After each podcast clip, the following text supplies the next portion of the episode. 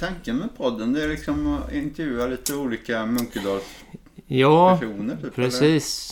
Det, det är många ingångar på det egentligen. Jag satt funderade på det här innan. Jag tänkte jag kanske får frågan varför jag gör det här.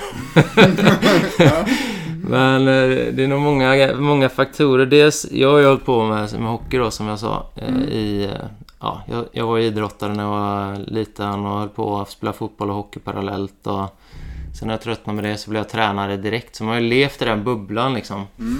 Och ehm, jag har ju många andra intressen som man inte liksom har fått utöva riktigt. Bland annat tycker jag det är kul att liksom, när man gjort uppgifter i skolan, intervjua eller skriva eller sådär. Lite typ journalistik light eller så. Mm. Eh, och sen har man ju som sagt många olika intressen som man, man vill veta mer om. Så jag tänkte, ja, men jag kan väl lära mig det här då. Då kan det vara bra att börja kanske med Munkedalingen Ja, blir det lättillgängligt så här. Ja. Och eh, musik har ju alltid varit ett intresse fast jag har ju aldrig spelat. Jag, jag gick ju aldrig någon musikskola eller liksom när jag var liten. ja, just det. Så jag började plinka när jag fick någon gitarr av min eh, av någon släkting så här när jag var 25 typ. Och så hade man inte riktigt tid och så har man liksom ja, men då och då tagit upp det. Men man är alltid, man blir så imponerad av de som kan då när man tycker Ja, själv att det är ja. kul. Så då blir man lite så här, ja men vill höra lite hur de har gjort och Ja. Så det, det tycker jag känns lite kul och spännande så. Mm. Det var därför det blev lite musiker kanske här i början. Mm. Eh, Får jag se, jag kanske fördjupa mig med lite andra ämnen sen men jag tänkte att eh, det kan vara kul att göra något lokalt också när man flyttar hem så här, träffa Mm. lite folk här kring och få lite nya kontakter och liksom Det finns ju mycket spännande människor här som Mm. man inte känner liksom. Mm. Eh, Så att, eh, ja det är många olika ingångar på det helt enkelt. så. Ja, jättebra initiativ. Jag tänker också att det är ganska... Jag hade tyckt det var kul om någon annan gjorde det här för man får lära sig mer om eh, vad det är för... Alltså man, känner, man vet ju så lite om folk egentligen. Mm. Vad de gör och... Som när jag pratade med Jonas senast, jag tror inte det var alla som hade koll på hans resa eller så. Han har ju bott i Stockholm i, och Göteborg i många år och sådär. Kanske inte tappat lite connection med vissa. Och, eller framförallt kanske med allmänheten sådär. Ja. Men det här blir lite comeback-avsnittet då. Jag släppte ett för- i december här med Jonas. Mm. Och sen som jag sa så flyttade vi till Munkedal. Så då blir det ehm, en liten paus. Jag hade inte med helt enkelt. Så det blir en liten paus och så kan man ta upp det igen nu nästan ett år senare då. Mm. Jag tror det var kanske november när jag intervjuade honom. Så, eh, men vi, vi drar igång här. Jag har en liten agenda så eh, Ja. vill säga tack för att du tog dig tid där Bosse och, och ställa upp och, och prata lite med mig. ja, bara trevligt.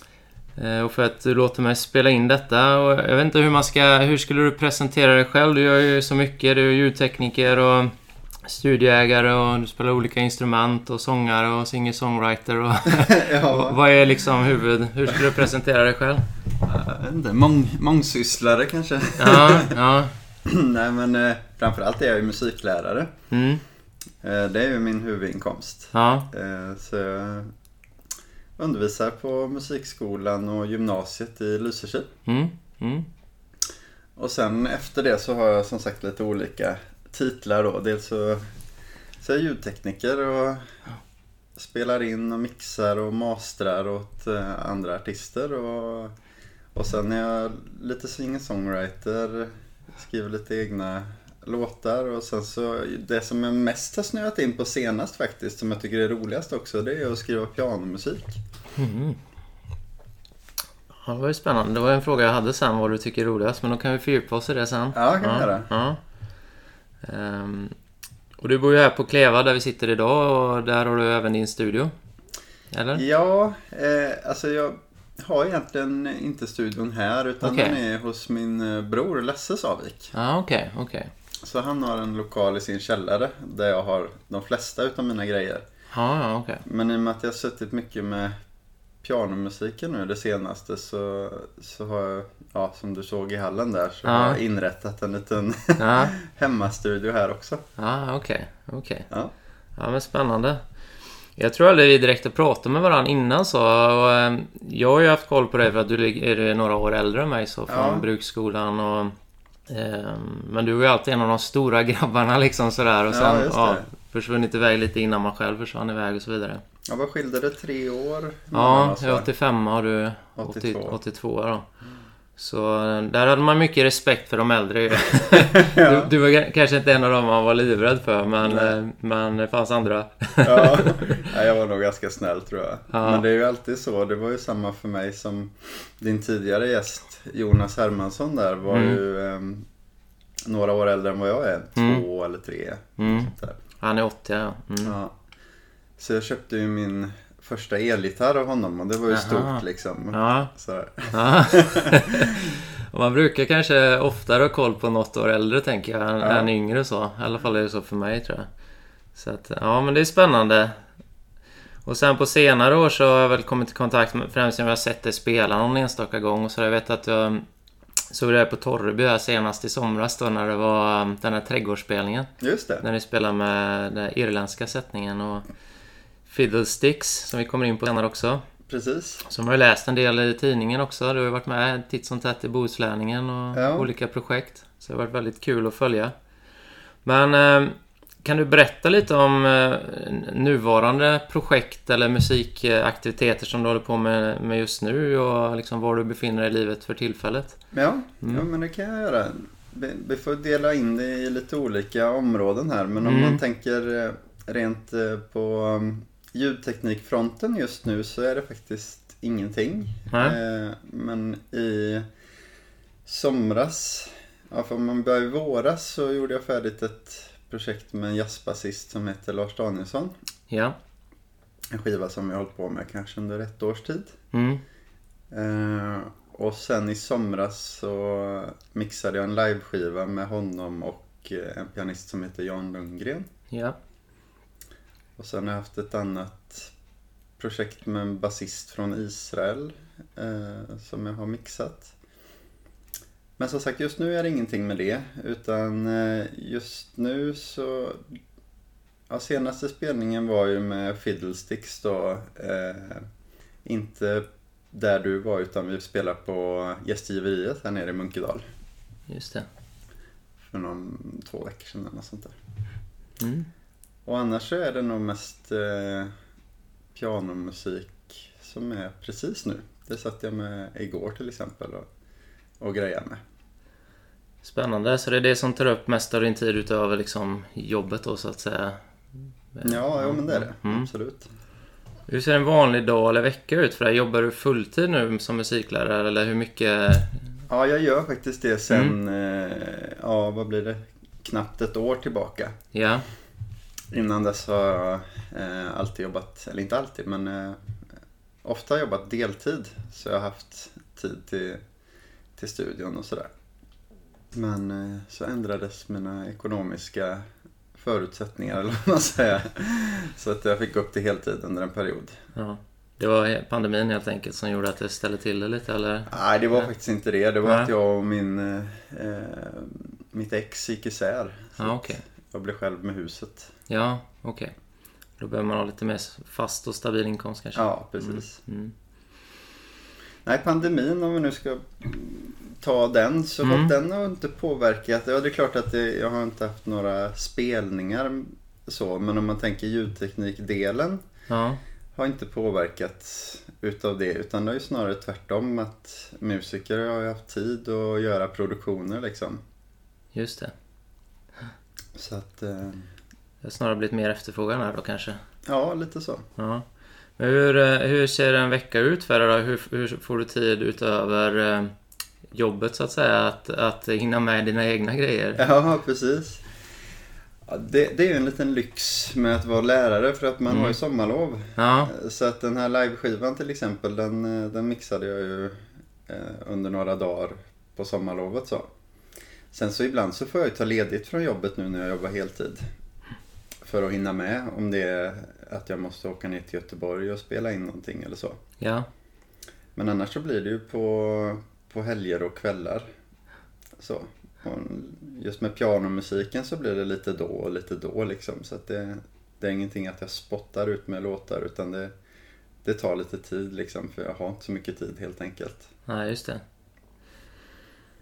Ja, du... ehm, jag har kikat lite på, på ditt Facebook-flöde och på lite andra ställen för att liksom få en liten bild av vad du grejar med för tillfället och så. Ehm, Förutom musiken då så är det en hel del inlägg kring friluftsliv och liknande. Ja, Eh, Stämmer det att du spenderar mycket tid i, i naturen och, och eh, i friluftsliv? ja men det gör det. Absolut. Det är ju mitt... Ja men... De ligger nästan på delad första plats Naturen och friluftslivet tillsammans med musiken då. Vad är det du gillar med att vara ute i naturen? Ja, det är en bra fråga faktiskt. Men mamma och pappa är ju eldsjälar i friluftsfrämjandet så vi har ju alltid varit ute med familjen och, och mina två bröder har vi kanske inte blivit så frälsta i detta. En utav dem kanske snarare avskräckt liksom. Bli jag, men jag var väl den som tog till mig det mest och, och varför det så vet jag inte riktigt. Jag tycker bara det är så himla skönt att vara ute och, och se på ja, se på naturen och röra mig och uppleva naturen när det är kallt. Till exempel när man åker skridskor på vintern eller farten i skidbacken eller stillheten när man paddlar kanot. Och... Har det alltid varit så att du uppskattat det eller var det liksom en period när du- man kanske skulle frigöra sig från föräldrarna eller liksom att man inte uppskattade det på samma sätt Mm. eh, och så kom det tillbaka eller Nej, har det varit jämnt flöde liksom? det har varit jämnt flöde faktiskt. Ja. Jag har alltid gillat det. Ja. ja. När jag, när jag planerade där och liksom frå- frågebanken så tänkte jag att ja, men vi kan inte göra kronologiskt liksom. Man måste bryta upp det där vanliga som man Ja. kanske hör i andra eh, intervjuer och så. Men du har gjort mycket grejer tycker jag så man behöver ändå ha någonting att hänga upp det på. Så det, Mm. det landade i att det får bli någon kronologi ändå här. Ja men det gör det ingenting. Det är bra för lyssnarna. Och... Ja, det kanske är lite lättare att hänga med Ja. på hur det har utvecklat sig, saker och ting. Men du är ju tidig 80-talist, 82 uppväxt här i Munkedal. På Stale eller? Ja, precis. Första åren bodde vi på Stale och sen så flyttade vi upp till Skaveröd som ligger eh, ja, precis utanför Munkedal mot Hedekas till. Just det. Mm. Hur var det för dig att växa upp i Munkedal? Ja, men det har varit jättebra. Mm. Inget att klaga på där. Det har varit, eh, ja men... Det har varit kompisar och det har varit... Jag har ju sportat mycket också. Jag har ju spelat hockey och fotboll och tennis och badminton och, och sådär. Eh, jag, jag, man tänker sig här en sån... Om man nu ska kategorisera sig som en, någon form av kulturpersonlighet då liksom. Det kanske inte jag gör, men, men om vi gör det ändå eftersom jag håller på med kultur. Ja. Så skulle man ju kunna tänka sig att man skulle vantrivas i ett litet samhälle sådär med mycket arbetarklass. Och jag kommer ju själv från arbetarklass liksom. Pappa jobbar ju på bruket och mamma är förskollärare. Men samtidigt så med de intressena då. Men, men det har inte stört mig alls. Eller jag har inte ens reflekterat över det förrän man flyttade ifrån Munkedal liksom. Så att nej, jag har bara gott att säga om Munkedal. Det är bra. Hur fick du upp intresset för musik då? Var det, fanns det i familjen tidigt eller har du hittat din egen väg? Både och, men det fanns i familjen. Eh, pappa har ju spelat gitarr och fiol, kanske inte så mycket när jag var liten, men, eh, men när mina bröder var små. Och mamma har alltid sjungit i, i kören och sådär. Och sen mina bröder har ju alltid sjungit och även spelat instrument också i musikskolan då. Eh, men sen är det väl egentligen två personer som är, förutom familjen, som var viktiga liksom. Och det var Daniel Karlsson, eller numera Benholm. Eh, som är kompis till min bror Lasse. Han var ju ofta hemma hos oss och satte sig och spelade vid pianot och han var jätteduktig pianist liksom. Så det var så att det där vill jag kunna också. Eh, Så då valde jag piano eh, i musikskolan och då hade jag Olle Åkerlund som pianolärare som var superbra. Han var ju omnämnd även av Jonas här. Då var det gitarr men även piano här och för dig då. Ja, precis. Mm. Ja, men lyssnar du på detta Olle så sug åt dig av berömmet. Du är en fantastisk lärare. Ja, du berättade ju att du hade lite andra intressen också, med, med, framförallt med sport och, och naturen och sådär. Men hur, hur ser det ut med musiken tidigt? Var det, du, du var inne på musikskolan, men var det det som var det primära eller var det mycket eget plinkande eller var det band eller? I början var det faktiskt bara eget plinkande egentligen. Mm. Och i början tyckte jag nog inte det var så jättekul. Nej. Om jag ska vara helt ärlig. Jag minns mycket väl att jag tyckte de där pianoläxorna ur de här pianoböckerna var svintråkiga ibland och fingrarna gjorde ju inte alls som man ville att de skulle göra. Men där har jag min mamma att tacka som tjatade på mig helt enkelt. Eh, så. så till början var det eget blinkande men sen Sen blev det ju band i högstadiet. För då blev det ju hårdrocken som kom in i mitt liv liksom. Eh, och då var jag inte så jätteintresserad av pianot längre. Nej. Det är svårt att platsa i hårdrock kanske. Ja, det, det finns ju. Men, Ja. men man skulle behövt ha någon som visar hur man gjorde då. Ja. Eh, Vilka spelar du med då? då? eh, Erik Ingman och Andreas Fredriksson, Ea och Johan Eliasson. Ja, okej. Vi hade ett band, jag kommer inte ihåg vad vi hette men vi repade ju jättemycket i Hördan som det heter. Fritidsgården där. Var det mycket, var det covers eller skrev ni egna låtar eller hur gjorde ni? Ja, det var nog bara covers tror jag. Ja. Jag har inget minne av något eget där. Var ni ute och spelade något också eller var det mest repande eller? Nej, vi spelade ibland också. Vi spelar ju på fritidsgården någon gång vet jag och vi spelar på... Hette det Rock och Bohuslän fortfarande? Jo, men det gjorde det. Det var i tingshuset där nere. Då, då spelade vi.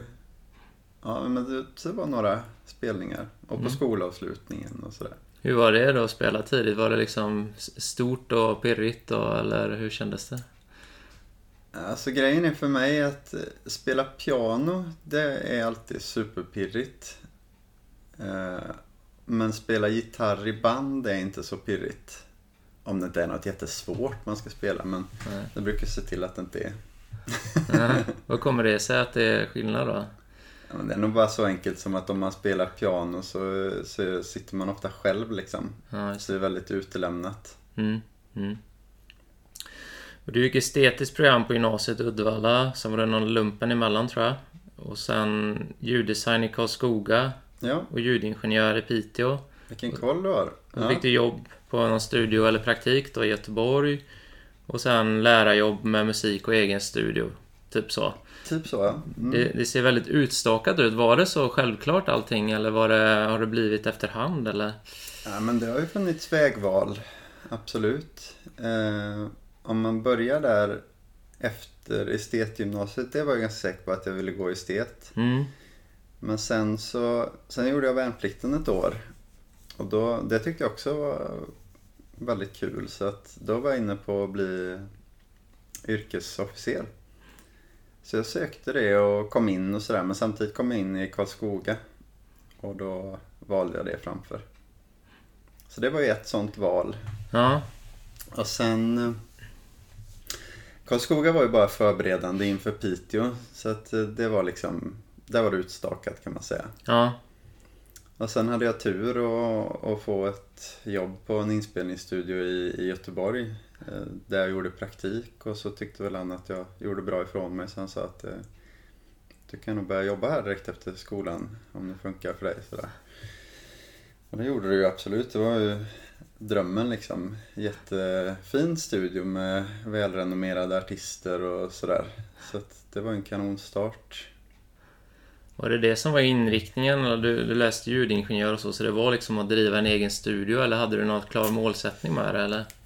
Nej, det hade jag nog inte egentligen. Det skulle nog lika gärna kunna blivit att jag blev ljudtekniker på Sveriges Radio eller någonting. Ja, okej. Eh, Så jag bara såg det som en bra utbildning. Mm, mm. Du har egentligen enbart försörjt dig på musik kan man säga, hela ditt yrkesliv. Kan man säga så? Ja, ljudteknik eller musik. Ja, just det. Du har gjort säga. andra projekt med ljudteknik också kanske, som inte är musik? Ja, Eller- det har jag gjort. Jag har jobbat på en teater. Ja, okej. Eh, Regionteater Väst i Uddevalla. Ja, Ett år. just det. Men på ett eller annat sätt så har det innefattat musik. Vad, vad var det som gjorde att det blev musik då? Att det inte blev att du blev officer eller vad det nu kunde vara? Andra Ja, vägval? Det, det drog väl bara starkare helt enkelt. Och jag har ju funderat så här i efterhand. Nu har jag varit lärare i, ja vad är det, sedan 2009. 12 år va?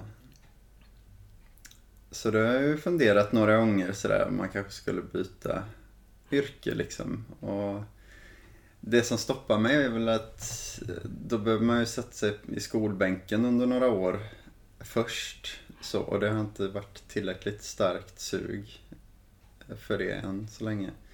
Men eh, jag har funderat på lantmätare till exempel. Jaha, okej. Ja.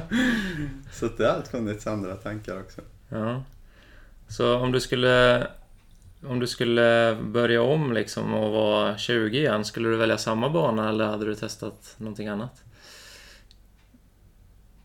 Ja, men om jag hade vetat, om jag hade liksom fått uppleva det här Mm, och ha kvar de, alla de minnena mm, och så varit 20 och så få starta om och prova, så hade jag nog provat något nytt för Mm. att se hur det är. ja, Absolut. ja. Vad är det bästa med att leva på musik då, tycker du? Eller Ja. ser du det som att du lever på musik eller är du mer, ser du det mer som att du är lärare? Är det en skillnad på Ja, det? det är, nog, det är nog lite skillnad. Fast å andra sidan så, där har jag funderat rätt mycket på liksom. Mm, För det är många som ja, men, sägs att man lever på musiken men det är väldigt sällan man får göra precis vad man vill. nej, Utan man kanske får göra mycket trubadurspelningar eller man får, ja men pengarna ska ju in på något sätt så det är väldigt få förunnat att göra precis bara just det de vill liksom. ja, jag förstår. Så att, men frågan var ju om jag ser det som att jag lever på musik men det gör jag väl på något sätt. Men det är ju lärarrollen också Mm. som är viktig. Mm. Jag såg dig och brorsan uppe på Kaserna, jag tror det var någon midsommardag eller någonting. Och då spelade ni eh, saker som ni hade spelat in tillsammans. Saviks tror jag ni kallar det. Det Ja, finns lite det. på Spotify. Eh, alltså, jag läste någonstans att ni, du hade någon inspelningsuppgift i skolan och så blev det att ni skulle... Ja, då hjälpte han till Lasse helt enkelt. Stämmer det eller? Mm. Var det så det började ni spelade ihop eller har ni gjort det tidigare också? Mm, ska vi tänka här. Men första gången som var nog på gymnasiet, då var det väl också ungefär så att jag skulle, det var på vårt gymnasiearbete så skulle jag spela in några låtar och så behövde vi någon som sjöng. Mm. Och då sjöng Lasse då. Mm. Och sen var det ju som sagt i Piteå då. Och då behövde jag något projekt och så visste jag ju att Lasse skrev egna låtar och sådär. Så att, eh, då tänkte jag att det blir bra. så han flög upp till Piteå och så gjorde vi de två låtarna där Ja. under en helg. Hur var det då, att jobba upp med brorsan? Ja men det är alltid jättebra. Ja. Han är världens bästa brorsa. Ja, härligt. Eh, Och du driver ju den här studion Savik Sound då. Mm. Du sa att det ligger nere lite kanske för tillfället. eh, Men... eh, Ja, det ligger inte nere, bara att jag inte har något projekt precis just nu. Nej, okej. Nej. Men eh, är det någon som är sugen så, så kommer jag kanske tacka ja. Ja, ja.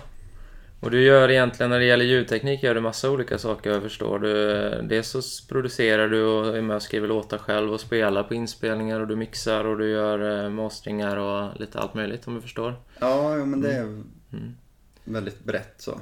Men om man tänker när det är på lite högre nivå, om man tänker de jobben som jag drar in mest pengar, Mm, eh, då är det ju främst inspelning, mix och mastering. ja. Kan du berätta lite vad du, vad du har gjort för jobb? Alltså antingen i din egen studio eller på den här Nilento heter det Mm. i Göteborg där. Finns det några sådana här höjdpunkter att det här är jag väldigt nöjd att jag har gjort eller som var extra roligt eller så? Ja, men det finns ju några sådana där absolut, om man ska namedroppa lite så. Ja, det är alltid kul. Ja, då kör vi. Nej men eh, den första som kom upp i huvudet var faktiskt två orkesterinspelningar. En som var, eh, var tv-spelsmusik till Spider-Man 3 tror jag. Jaha. Med Malmö symfoniorkester och det var ju ganska häftigt att få vara med i en sån stor produktion liksom. Ja, det är klart. Man såg, man gick in på eh, scenen där liksom och innan musikerna hade kommit och så stod det liksom Spiderman på noterna sådär. och det var, ja, men det var ett produktionsteam influget från USA och sådär. Så det var absolut minnesvärt. En stor grej då. Och en annan sån, också orkester, var med Kungliga Filharmonikerna i Riddarsalen på slottet. Mm. Jag kommer inte ihåg riktigt vad det var. Jo men det var Förklädd Gud var det vi spelade in. Så då fick jag träffa kungen. Jaha. Ja. Häftigt. Ja. Ja. Men var det här med, med din studio eller var det med... Nej, detta var Nilento. Ja, ja, det. Absolut. Eh, och sen, eh, ja men sen var det ju många stora namn inom jazz som jag har jobbat med när jag jobbat på Nilento. Mm. Victoria Tolstoy och eh, Monica Zetterlund. Lill Lindfors är väl kanske inte så mycket jazz, men lite grann. Ja, så Var det den inriktningen de hade med er eller hur hade de allt möjligt på den studion? det var främst jazz och klassiskt Ja, var det. just det. Så det var ingen som kom för att mixa hårdrock där liksom. Nej, nej. I din egen studio då, eller i liksom ditt eget bolag sådär, vad, är det något särskilt där som du har gjort som du känner att det här är det största vi har gjort med mitt bolag liksom? Ja, ehm, där är ju lite olika sådär. Det jag känner mig mest... Om man ska namedroppa så, så har jag hjälpt Peter Fristedt från Ljungskile Mm, som har gjort två eller tre skivor med sångaren från Toto och sångaren från Chicago. just det. Så det är lite namedropping sådär som... Han har faktiskt varit i Munkedal och spelat in i Ja. källaren där. Härligt. så det är lite roligt. Men det, om man tänker rent vad jag är mest nöjd över så är det nog mer eh, egna produktioner. Mm. Eh, till exempel med Niklas Petri som också bor i Munkedal. Vi gjorde en låt för eh, Addison-föreningen som är en, en sjukdom, Addison. Mm. Och, och den fick så superstort genomslag i och med att den kopplades till den här föreningen liksom. Så den har väl, ja, typ 500 000 plays på Spotify. Ja, precis. precis. Det är nog det, sådana saker är jag nog mer stolt över än att ha råkat hamna i samma rum som eh, någon med ett stort namn liksom. Ja, då har du varit med hela vägen på något sätt och... Ja, det är ju Ja. något eh, som man har byggt från start liksom. Och Niklas har jag haft som elev dessutom så det är Ja, det har jag läst. Ja. ännu roligare. ja. De har verkligen varit med hela vägen. Ja, precis. Eh, Ja, och ni hade ju det är en musikvideo där som är inspelad i Munkedal också. Helt eller delvis i alla fall va? Ja, Mm. Så den kan man ju tipsa om då, om det är någon som lyssnar att man kan gå in och kika på. Man känner igen sig lite miljöer och sådär. ja precis. Ehm, Det var faktiskt min nästa fråga här, det här med A Life I Care About då. Som, har, Ja. som du sa, eh, nästan 500 000 lyssningar på Spotify. Det är ju superhäftigt. Ja. Ehm, Kan du berätta lite mer om det projektet? Alltså hur, hur kom det sig att den fick så många lyssningar, eller har fått så många lyssningar? Ja, alltså min enda, liksom, mitt enda svar på det måste ju vara att den är kopplad till eh, Addisonföreningen liksom. Mm. Och att den på något sätt då globalt har spridit sig. Ja, För jag har det är ju mest egentligen eftersom Niklas är namnet i den produktionen så, ja, så är det nog han som har haft mest kontakt med eh, ja, men fått respons från folk som har lyssnat och så. Men Ja. vad jag har förstått på Niklas så har det varit från olika delar av världen liksom. ja. Häftigt. Så att det är nog så enkelt. Det lite sammanträffande liksom. Och din roll i den låten var att du, har både varit med och producerat och skrivit den, eller? Ja, Niklas hade faktiskt skrivit nästan hela låten med text och, och ackord och sådär. Sen så kanske jag finputsade lite och gjorde Mm. någon... Men, men själva produktionen är det jag som har gjort om man tänker Mm. alla, alla instrument utom sången och arrangemanget och, och sådär. Mm. Du har spelat alla instrumenten? Mm, Ja, det är häftigt. Eh, ni släppte ytterligare någon, för jag antar att du var med på den när han släppte 2020 var det senast också va? Ja, Ja. precis. Eh, blir det några fler projekt ihop med Niklas framöver tror du eller? Det tror jag absolut. Ja. Eh, jag hoppade över där innan men eh, på tal om din egen studio så här, Sofia Taco har också varit med och spelat in lite va? Som Ja. också är en lokal, väldigt superlokal kan man säga här då, kanske på Kleva eller? Ja, precis. Hon är ju uppväxt här på Kleva. Så. Ja, ja, det är också tips till de som kanske lyssnar då att en annan Munkedalsartist kanske kan vara med i podden någon gång. Mm, Ja, får se. absolut. Har ni någon kontakt eh, idag eller? Nej, det har jag faktiskt inte. Nej? Det var ju efter hon hade slutat gymnasiet och innan hon flyttade till Stockholm så ville väl hon göra någon produktion så. Och då hjälpte jag henne med det. Mm. Ja, kul. Munkedalingar får hjälpa varandra. Ja, Ja.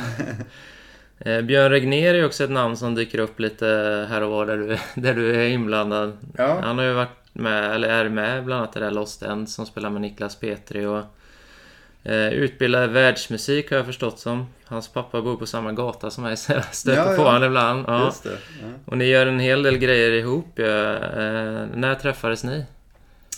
Det var när jag flyttade tillbaks till Munkedal Mm. eh, 2010.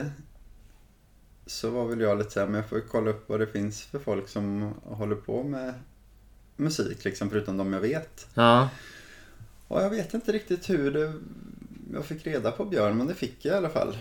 Och så kommer inte riktigt ihåg första gången vi spelade ihop, om vi fick... Ja men det, vi gjorde nog ett Dylan-projekt tror jag. ja okej. Eh, var nog första, eller jag vet ju att vi gjorde det, men jag tror det var första Ja, projektet så att säga. just det. Ni var runt och spelade lite då, läste jag på din Facebook tror jag. Ja, Ja. precis. Kapellet och lite Ulkröd och... Ja? Ja. precis. Och, och även ehm, Forum var första konserten. okej. Mm. Och ni har kört, ni kör den här Lost Ends då som spelar med Niklas Petri och Fiddlesticks som är, vi kommer in på det sen, men Mm. lite irländskt. Eh, spelar mycket covers och lite eget. Ja. Och eh, han är även med och spelar lite på dina egna singer-songwriter-projekt. Och, Ja. Så ni funkar bra ihop då förstår jag. Han får, Ja. han får vara med överallt. Eller Ja, ni men- gör saker ihop. Grejen är med Björn att dels så, så är vi väldigt goda vänner. Ja, Alltså utöver musiken så vi skulle varit kompisar oavsett musiken. Men sen så är ju han en sån otrolig multiinstrumentalist. Han Mm. spelar alla instrument man kan tänka sig i princip. Eh, och det är väldigt praktiskt om man, ska, om man då har en inspelning och behöver flöjt så då vet man att det kan Björn spela. Och behöver man nyckelharpa så kan han spela det också. ja. Ja, ja det är häftigt. Tacksamt med sådana kompisar när man ska göra musik. ja precis. Ja. Du, du skrev ett inlägg på Facebook 2019 tror jag det var, att, eh, där du beskrev att du gick på Tempo på Stale och på radion så spelades någon låt som du kände igen och så inser du att det är din egen röst som du hör. ja, just det. Eh, så Det var P4 Väst som spelade en låt med, som de kallar Verket, tror jag de kallar gruppen Mm. då. Var det första gången du hörde din egen röst offentligt på det sättet? Liksom att det inte var du själv som hade dragit igång det eller?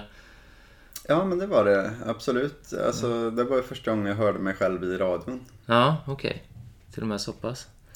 Hur var det då? Ja, det var häftigt. det kan jag tänka Ja, mig. jag riktigt, ja, den här låten känner jag igen. Ä- Är det ju jag? Ja, otroligt alltså. Ja, Väldigt smittande när man läste det. Att, ja, det måste vara helt grymt alltså. ja jo, men det är klart. Det var en sån där dream come true såklart. Ja. Det tror jag är säkert något som alla som skriver egna låtar tänker på. Så att, Ja. ja. ja, men tänk att få höra sig själv på, på radion eller... Precis, det var samma som när man var, gick i gymnasiet och, och liksom satt med CD-skivor. Tänk om jag någon gång skulle vara med på en CD-skiva liksom. Ja, ja. Det var ganska häftigt här, eller väldigt häftigt, men det här var ju 2019 då, men 2020 så då gick det alltså tre låtar samtidigt på P4 Väst som du hade varit inblandad i och skrivit. Dels så hade du dina egna där, Stång i huvud och Vi vänder hem då. Mm. De kallade P4 Väst för Verket, men jag vet, det ser ut som det är ditt eget namn på Ja. Spotify. Det, det var så här att det var liksom innan jag hade tagit mod till mig och börjat kalla mig liksom soloartist. Jag Ja. hade någon idé om att, att det skulle vara att, ja, någon pseudonym liksom. Men sen så tänkte jag att, kör vi. ja, ja, men det är spännande för jag tror, eh, på, ja, som sagt på Spotify så står det ju ditt eget namn Ja. och, eh, och din kollega där som var med och spelade. Och sen samtidigt då så gick eh, Niklas Petri och Lost Ends då med Fyr Amoris. Ja, precis. Mm. Men hur lyckas man ha tre låtar på radio samtidigt då? Ja, det var nog bara slump. Men det var en väldigt produktiv tid. Ja, jag skrev mycket låtar och, och gjorde liksom färdiga produktioner så. mm, mm, Och så råkade de komma ut med tätt intervall så. mm. Var det en uttalad målsättning så att få ut eh, så eget singer-songwriter-material eller blev det bara så eller? Ja du. Eller uttalad målsättning låter Jo. kanske formellt men att du Ja. hade liksom en, en, en önskan om att nå ut. Jo men det är klart att jag hade. Mm, Ehm, det, har, det är jag ganska noga med så när jag gör någonting. Att ibland gör jag bara för att det är skoj. Och Ja. att det är liksom är, då kan man se det som lite utbildning eller lite bara avslappning sådär. Men, men om jag lä- lägger ner mycket tid på någonting så är det ingen idé att göra det halvfärdigt och så låter det ligga i byrålådan utan då ska det ut på något sätt liksom. Eh, sen blir ju, d- även fast det är lite radiospelningar på P4 Väst och sådär så blir det ju inga pengar i det utan det är ju ändå mest för att det är kul. ja, ja. Eh, så, men det blir roligare om, om folk får höra vad man har gjort. Och sen under förra året då, nu har ju som för alla eh, som håller på med musik eller någon, någon form av live så har det inte gått att spela för publik på det sättet under ett år ungefär. Ett och ett halvt. Men du var ju med och spelade lite på, eh, eller lite, ni hade en spelning som sändes på Bohuslänningen där på kontoret. Den första tänker jag på nu då. Mm.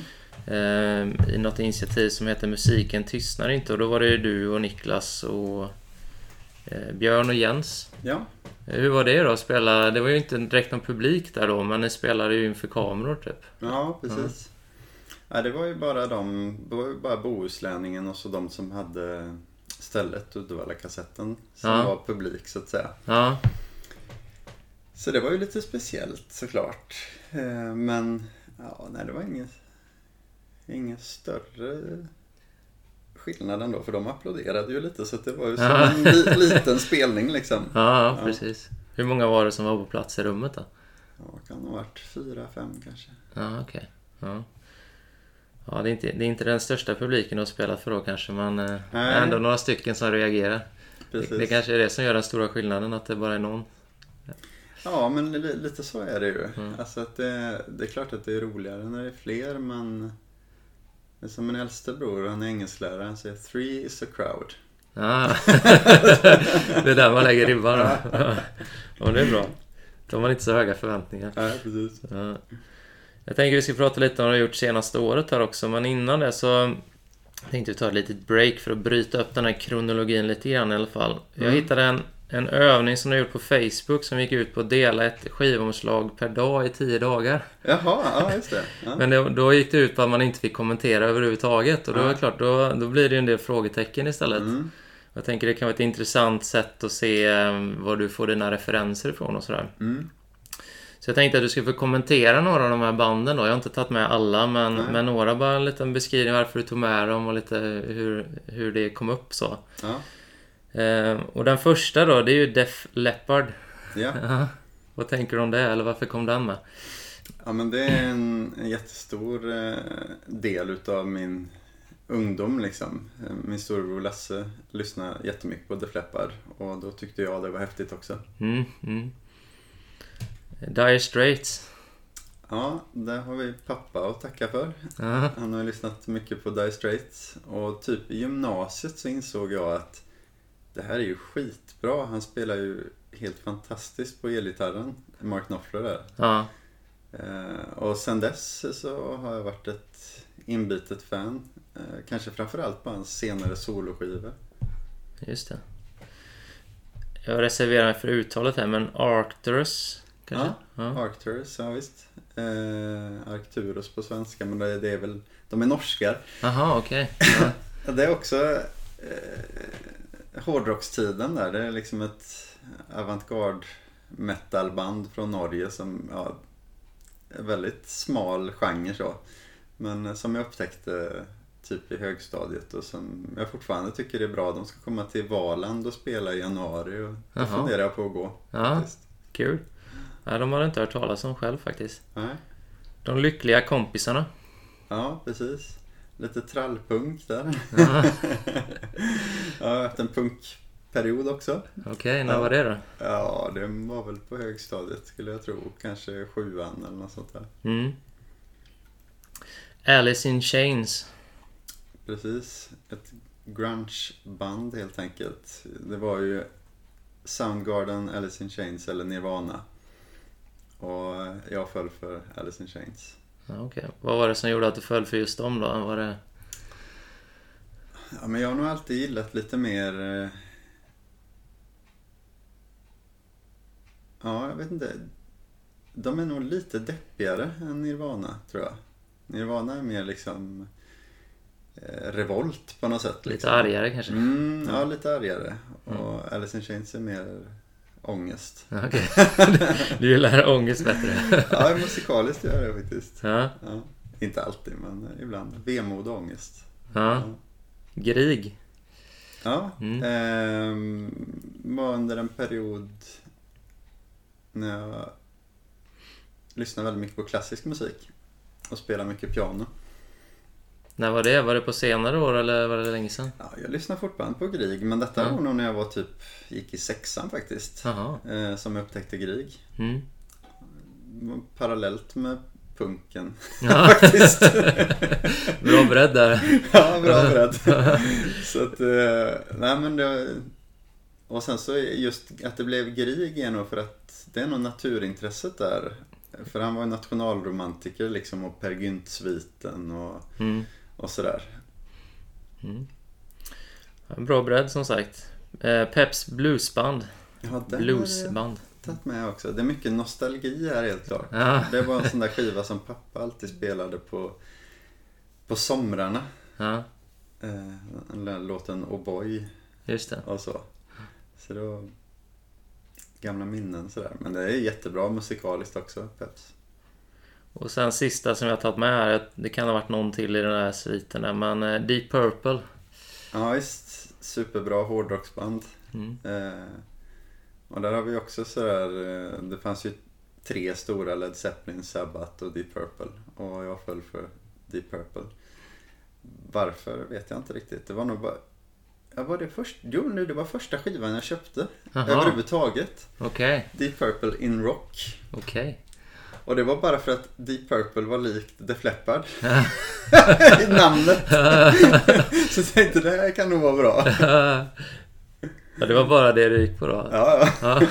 Det var ju så man fick göra förr. Då fick man ju titta på skivomslagen och Just det. liksom chansa. Ja, ja. men det kan nog vara bra. Det är svårare nu för tiden att hitta ett omslag bara att falla för. Ja, precis. Ja, eller det går väl förstås, men Ja. man kanske hittar musik mer via streamingtjänster och så idag. Ja, så är det ju absolut. Vad lyssnar du mest på idag då?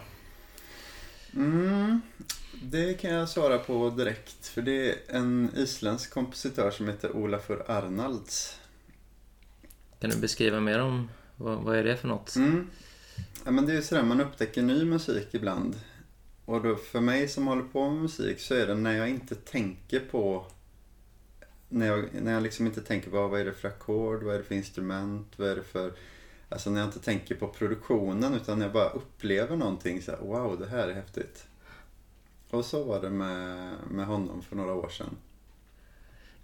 Och det är, ja vad ska man säga, det är ju någon form av klassisk musik men väldigt filmiskt. Han började, han slog igenom med att skriva filmmusik. Och sen så har han liksom fått sig ett namn så pass stort så han kan göra egen musik bara. Mhm. Så, Han har eh, tagit det klivet där då. ja, precis. Ehm, Men vad, hur är det normalt när du lyssnar på musik? Blir det mycket så här, alltså jobbat man, ja men hur är produktionen? Eller kan du bara lyssna och liksom njuta av musik annars eller? Det är lite olika men Mm. det är ganska sällan som jag lyssnar aktivt bara på musik för att lyssna på musik. Utan det är ofta antingen ska jag förbereda någon låt till skolan eller så analyserar jag någon produktion för att det är något liknande som jag ska göra själv eller eller så. Och annars är det väl kanske mer playlist som står och går på fredagskvällen liksom när man lagar mat. Just det. Vad är det som går då? Är det också islänningen som går då eller är det något annat? Nej, då är man ju, man är två om det. så att... är det sambon som bestämmer då? Ja, precis. Då får hon bestämma. Nej då.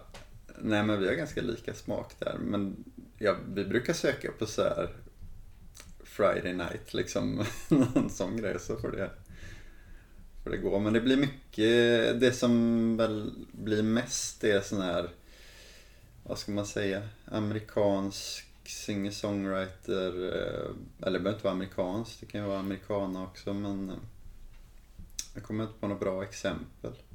Men lite åt, vad heter den artisten nu då? Han som sjunger i falsett. Bon Iver, eller Bon, Ja. Iver, bon Iver, eller hur Ja, man säger. ja, Lite åt det hållet okej. blir det nog mycket. Ja. Nu har det varit lite speciellt med pandemin och så, men går du normalt sett mycket på spelningar själv och så? Nu kanske livestreamar och så? Mm. Nej, det gör jag inte. Men, men jag försöker att gå på några saker om året liksom. Mm. Eh, Vad är det senaste som du streamade eller, eller gick på live? senast jag streamade var igår, det var Hawks. Ja, just det. Ja, den tycker jag är skitbra. Ja, det kör jag också mycket faktiskt. Ja. Ja. Det är gött. När var senaste eh, spelningen du var på live då? Förutom att du har spelat själv? Ja, ska vi se här. Ja, det var länge sedan vet du. Jag tror inte jag har varit på någon konsert efter pandemin. Eller under, som jag inte varit med på själv liksom. Nej? Och innan dess var det nog något på Operan tror jag. Ja, okej. Ja, jag och sambon Frida, vi var på en dansföreställning nu i höstas i och för sig. Ja, Det är inte musik, men Nej, nej. Vart var det då? jag var på Operan i, i Göteborg. Ja, okej. Ja, men jag tänkte vi ska hoppa lite till eh, 2021, som Ja. är i år då. Jag noterade här, jag vet inte om det är helt nytt konto, men eh, det verkar så på Spotify här med, med Bosses musik då. Stämmer Mm. det att du öppnade ett nytt? Det stämmer. Var det för att du hade mycket på gång då, eller? Eller var det... Ja, alltså jag har eh, ju haft mycket olika saker på gång men så tänkte jag att nu istället för att dela allting på privata sidan liksom så tar jag och skaffar ett konto och så gjorde jag i ordning mitt YouTube-konto lite och sådär. Ja. Just det. Du städar lite och förbereder kan man säga. Ja, städa lite. Ja. För jag har noterat att du har ju du släppt en hel del under året. Dels har du haft det där instrumentala som du var inne på själv då. Mm. Eh, Brudslöjan som snart har spelats 20 000 gånger på Youtube. Ja, Och eh, nyligen då i sommar eller i höst här Lofoten i samarbete med fotograf precis. Christian Höjberg. Yes. Och en video till det som har streamats 57 000 gånger senast jag kollade. Ja. Så det är häftigt. Ja. Mycket visningar. Hur, hur känns det att så många uppskattar det du gör genom att man går in och lyssnar? Och... Ja men det är ju jättekul och man säger, där är ju också så Det roligaste, det är jättekul att, att siffrorna stiger men det roligaste är när folk kommenterar. Ja, För då ser man ju på något sätt att, men, för det vet man ju själv när man sitter och tittar på saker. Så om det är riktigt bra, då skriver man en kommentar. ja, Så det är, de, det är det roligaste tycker jag att läsa. Och folk som kanske skickar ett mail och frågar efter noterna och sådär liksom. ja okej. Det är väldigt roligt. Det blir lite mer interaktion då kanske. Ja, men det Mm. blir ju det. Ja. sätt. Då blir det ju ett möte. För Ja. annars är det ju väldigt möteslöst att bara se antal views. Det Ja. säger ju ingenting, men om det kommer ett mail och, eller om det kommer en kommentar och, så då blir det ju någon form av möte liksom. Ja. Och du var ju inne på det tidigt där att det här kanske är det roligaste just nu. Vad är det som gör att du tycker det är roligast för tillfället? Bra fråga. Eh, ja. ja, men det är ju det att jag är pianolärare just nu på musikskolan. Och det var ju någonstans så det började. Min musikbana att spela piano. Så att det är ganska kul att hitta tillbaks till det liksom och utvecklas. Då fick jag börja öva igen liksom för att jag hade framförallt en elev som var väldigt duktig. Mhm. Så då fick jag liksom öva för att hålla jämna steg. ja, perfekt. Du är lite pressad från det hållet då. Ja, Mm. precis. Mm. Eh, Men sen så det är nog väldigt tillfredsställande. Det är som att lägga ett pussel lite grann. Man börjar med någon liten idé och sen så ska det bli ett stycke liksom och så får man prova olika saker. Och, alltså ofta så kan det finnas kanske 10 minuters musik på ett stycke och så blir det tre minuter i slutändan liksom. Är det mer avkopplande att inte behöva skriva text till och sjunga eller är det två helt olika saker tycker du? Ja, det är nog ganska olika saker. Men det är nog mer... Eh, men det kan vara lite samma med att skriva en text. Det kan också vara ett pusslande som man får eh, göra om och sådär. Men ofta... Det är lite olika. Ibland så skriver jag ju utifrån personliga erfarenheter liksom. Och då är det ofta ganska lätt att skriva en text. Men ibland behöver man ju bara en text för att det ska finnas en text i musiken. Jag vet det var ju samma för Jonas där i det Mm. avsnitt, hans Mm. avsnitt hörde jag. Ja, Att det tar, kan ta väldigt lång tid med texten. Så.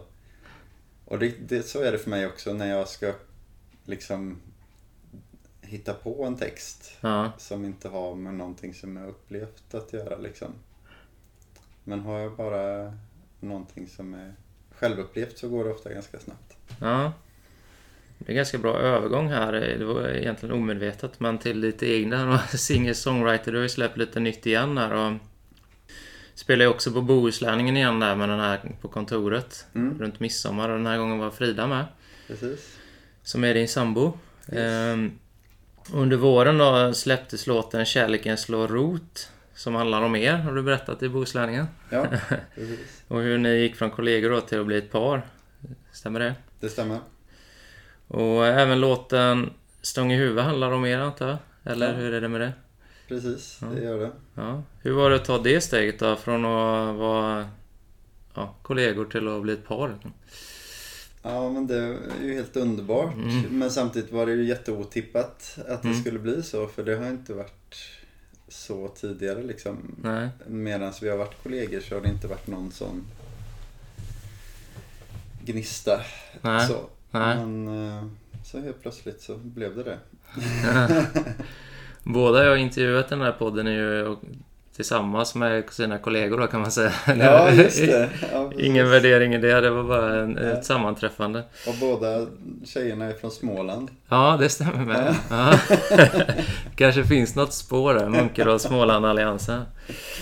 Eh, ja. Hur är hon som kollega då?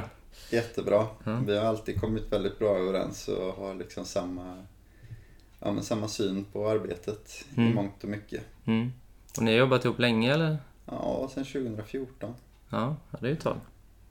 Ja, men vi ska inte fördjupa oss i det mer. Vi kan, vi kan återgå till låten istället då. Ja. Ehm, och börja rent musikaliskt. Jag lyssnar ju mycket på country eller americana och sådär. Ja. Och, du har ju Jens Cox banjo där. Magisk Precis. banjo. Och du har pedal steel är det va? Ja, just det. Den är med också. Och lite stämsång ihop med Frida. Så det finns ju många sådana americana-inslag där. Ja, Och så ett stadigt vaggat framåt där av Per Bokvists trummor då.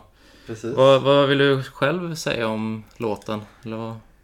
Ja, eh, ja, jag skrev ju den hyfsat snabbt liksom. För det handlar ju om mig och Frida. Så, och det, det kom ganska snabbt hela grejen sådär. Och så spelade jag in akustisk gitarr och sång.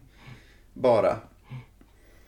Och det är faktiskt den gitarren och den sången som är på Spotify. Mhm. Så det är bara lagt på allt annat liksom uppe på det. Ja, okej. Men Det finns två versioner också. En akustisk. Mm, Ja, ja, där då har är det den. plockat bort allting. Ja, ja. Mm. Just det. Ja, spännande. Så att, eh, ja, men det är väl det att säga om det.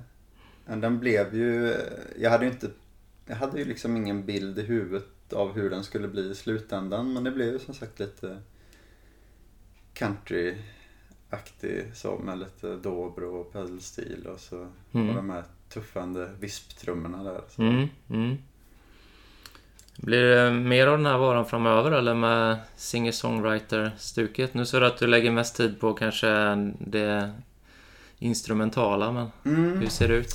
Ja, alltså jag, det, jag har, det har jag inga visioner om hur det ska se ut utan alla de här sakerna är ju mest för mitt eget nöjes skull liksom. Ja, Så att eh, just nu är det lite piano och sen så eh, är nästa projekt det ska bli tillsammans med också en munkedaling som ska vara med. Jens bror Viggo mhm, Kock. okej. Han spelar inte vad jag vet men han gör fantastiska drönarfilmer. Jaha, Så han har gjort lite, han har filmat lite på Örekilsälven. okej. Så det ska jag göra en komposition till. Ja, Och detta ska jag göra tillsammans med Magnus Sjöqvist som är eh, musiker eh, från Uddevalla, eller han bor i Ljungskile. okej. Så han ska tillsammans med en annan fotograf göra något annat område liksom i Bohuslän. Eller det behöver inte vara ett område men någon, någon specifik natur liksom. Ja, Så ska vi se om vi ska skicka lite grejer fram och tillbaka så, här. så han kanske börjar med en gitarrgrej och så lägger jag på någonting och så. jaha, okej. Just det, det blir lite som, som en stafettberättelse, typ. Att man Ja. skriver en mening var och så... Lite Bygger så på. är tanken.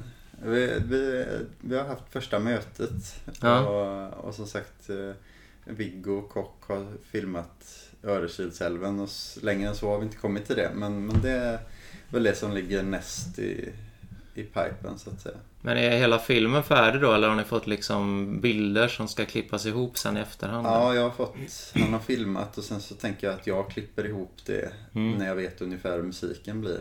Ja, okej. Ja. Spännande. Ja, Hur gör man då liksom när man... eh, Du, du får lite bilder så ska du försöka få musik som på något sätt stämmer ihop till det. Är det bara en känsla man går på eller hur, hur gör man liksom? ja. Jag är ingen mästare på det där men det så som jag har gjort nu så har jag satt en av de där filmerna på loop. Och så har jag Ja. suttit och tittat på den samtidigt som jag spelat piano liksom. Ja, okej. Och så får man försöka fånga tempot och, och känslan i det liksom. Ja. Men om man ska vara helt ärlig så är ju ganska Musik är ju ganska tolkningsbart. Ja. Så någon kanske skulle tycka var mycket bättre med en hårdrockslåt i de här bilderna och någon tycker att det ska vara country och någon tycker att det ska vara klassiskt. Så att man får ju göra utifrån vad man tycker passar själv. Jo, det är till, klart. Liksom. Det är klart. Men lite filmiskt ska det väl bli förhoppningsvis. Ja. Så. Mm. Och sen under 2021, om vi återkopplar till den eh, tråden som var innan där med, då har du också spelat lite med Fiddlesticks som består av dig och Frida och Björn då. Ja. Som spelar irländskt. Du på gitarr, Frida, det är någon form av trumma? Eller? Ja, precis. En sån frame drum. Det heter Bodrun. Ja, ja. Och Björn han spelar... Ja, han spelar allt möjligt kan man Ja, säga. ja, du var ju där och såg. Ja. Och ni har varit runt lite på Göstases och Ulkröds gård och som jag sa på en trädgård där i Torreby då. Ja, precis. Eh, vad kan du berätta om det då? Vad är det för, har ni några ambitioner med det eller är det bara ett kul projekt eller? Nej, men det har vi väl lite ambitioner. Mm. Ehm, det började med att det var bara jag och Frida som skulle spela på en jobbarkompis 40-årsfest. Mm. Hon är från Irland då. Okej. Så då tänkte vi att då tar vi lite irländska låtar. Ja. Men så blev det ingen 40-årsfest för det var väl pandemi eller något sånt där tror jag. Ja. Ja, det måste det ha varit. Ja. Eh, men i alla fall så tänkte jag, men vi kan väl fortsätta med det här ändå liksom. Och så tänkte jag, men det här är ju perfekt för Björn. Mm. Jag vet att han har spelat lite sånt liksom och framförallt så kan han de instrumenten och sådär. Ja. Och är folkmusiker från början. Och han var ju inte sen på att hänga på det. ja, så på den vägen är det. Ja. Och det kan bli mer av det framöver då eventuellt.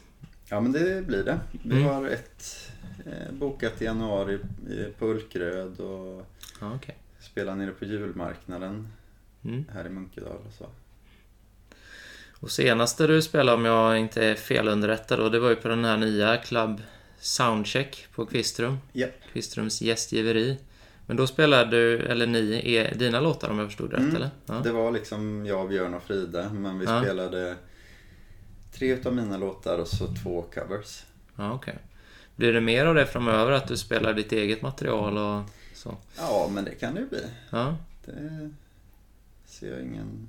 eh, Det är bara det att jag har inte så många låtar Nej, så jag kan inte fylla en hel kväll liksom. Men, eh, Nej. men om det bara är ett par stycken sådär så kan man ju blanda upp det med lite covers ja, och så. ja härligt. Men det är inget som jag liksom jobbar aktivt med att, att göra utan det är på förfrågan i så fall. Liksom. Ja, ja.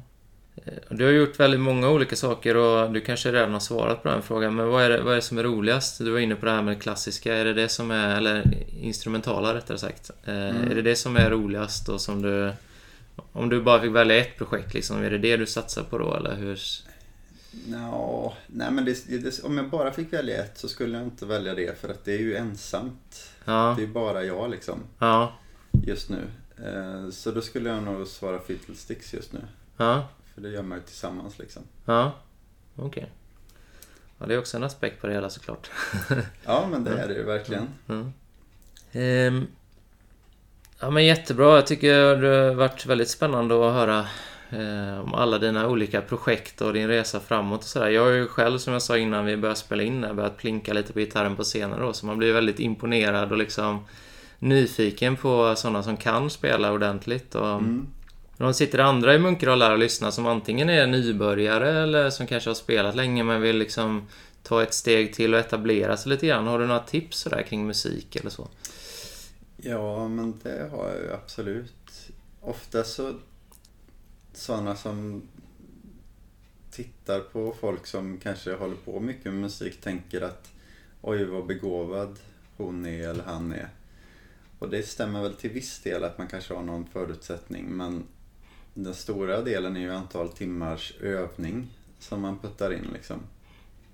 Så att eh, om ni vill på något sätt hålla på mycket med musik eller bara bli bättre på musik så, så är det att öva.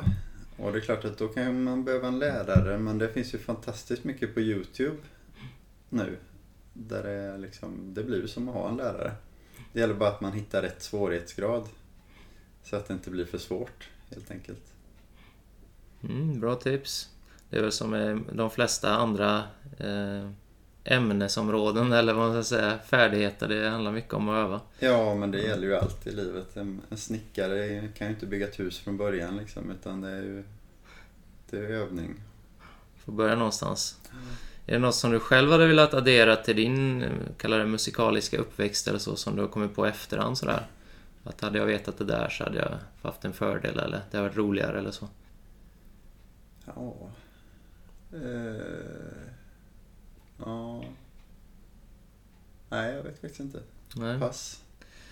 Och vad har du för projekt på gång framåt då? Eh, renovera köket. Det är det stora. Nej, det ska inte vara någon total renovering, men vi ska måla om lite och, och sådär. ja. Har du något drömprojekt så här, musikaliskt då som du skulle vilja göra? Du var inne på det att alla musiker kanske, som lever på musik kanske inte får göra precis det de vill, men om du fick göra precis vad du ville, vad skulle du göra? Ja, På heltid? ja, jag vet inte. Jag, jag är nog... Jag trivs nog med att göra många olika saker faktiskt. Mm. Så jag skulle nog kanske svara att det är ungefär som nu, bara att det som jag gör nu hade varit lite mer och genererat lite mer pengar. Så att jag kunde leva mer på det. Mm. Få mer tid över kanske? Ja, precis. Mm. Är det något som du vill berätta som vi inte har pratat om? Eh, nej, jag tycker du har tä- täckt in allting. Jag, det, är till och med jätte, det har varit jätteroligt samtal för det har varit många saker som inte jag har kommit ihåg själv och sådär. Det blir lite ett annat perspektiv när man gräver lite utifrån sådär. och- Ja, precis. Saker man har glömt och, och sådär liksom. Är det någon annan som du skulle, om du skulle lyssna på podden, vem, vem skulle du vilja att jag intervjuar? Någon Munkedalsprofil eller någon musiker eller så? Ja, precis. Man kan ju ge lite olika förslag där då. Eh, som jag tänker på sådana som jag har nämnt själv här. Så om vi börjar från början så är det ju Olle Åkerlund. Jag tänker han har ju nämnts två gånger här av, Ja. eh, Just det. Som en betydande eh, person. Och sen är det ju Jens Kock som spelar banjo som på en väldigt hög nivå. Han är ju över i, Nashville ibland och spelar och ja men jätteduktig verkligen. Har spelat med Bo Kaspers och, och sådär. Eh, sen har du Niklas Petri här. Eh, också munkedaling. Vad har vi mer för munkedalingar? Ja, Björn. Regnér. Eh, och vad heter det? Pernilla Stendahl, känner du till henne? Eh, nej. Nej. Hon är ju jätteduktig eh, på nyckelharpa. Jaha. Spelar eh, liksom eh, riksspelman. Jaha. Kul. Det känner jag inte till. Nej.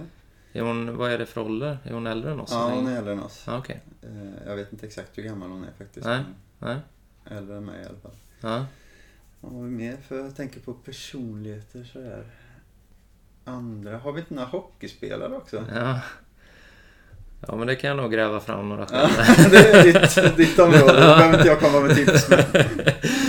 Ja, de har jag koll på. Men det, jag har ju pratat med hockeyspelare i eh, 36 år nu, så jag tänkte jag kan börja med att prata med några andra. Så vi, Ja. får, vi får ta det vad det lider. Ja, precis. Det är andra som har sagt också att det är Ja. väl det man kan bäst egentligen. Men... Ja, precis. Det kan Men- vara roligt att göra något annat. Alltså. Ja, ja. Ja, men det är jättebra tips. Ja. Eh, några som man har tänkt på, någon som man inte har tänkt på också där. Så. Mm. Vad är det bästa med Munkedal då, tycker du? Eh, för min del så är det ju att familjen finns här. Ja, Eh, mamma och pappa och min bror Lasse och hans familj och, och vänner och, och sen naturen är ju jättefint också. Om jag nu ska sälja in Munkedal till någon som lyssnar här nu som inte bor i, i Munkedal men funderar på att flytta hit så, så är det ju nära alla kustsamhällen men samtidigt till en bråkdel av de priserna som husen går för ute vid kusten liksom.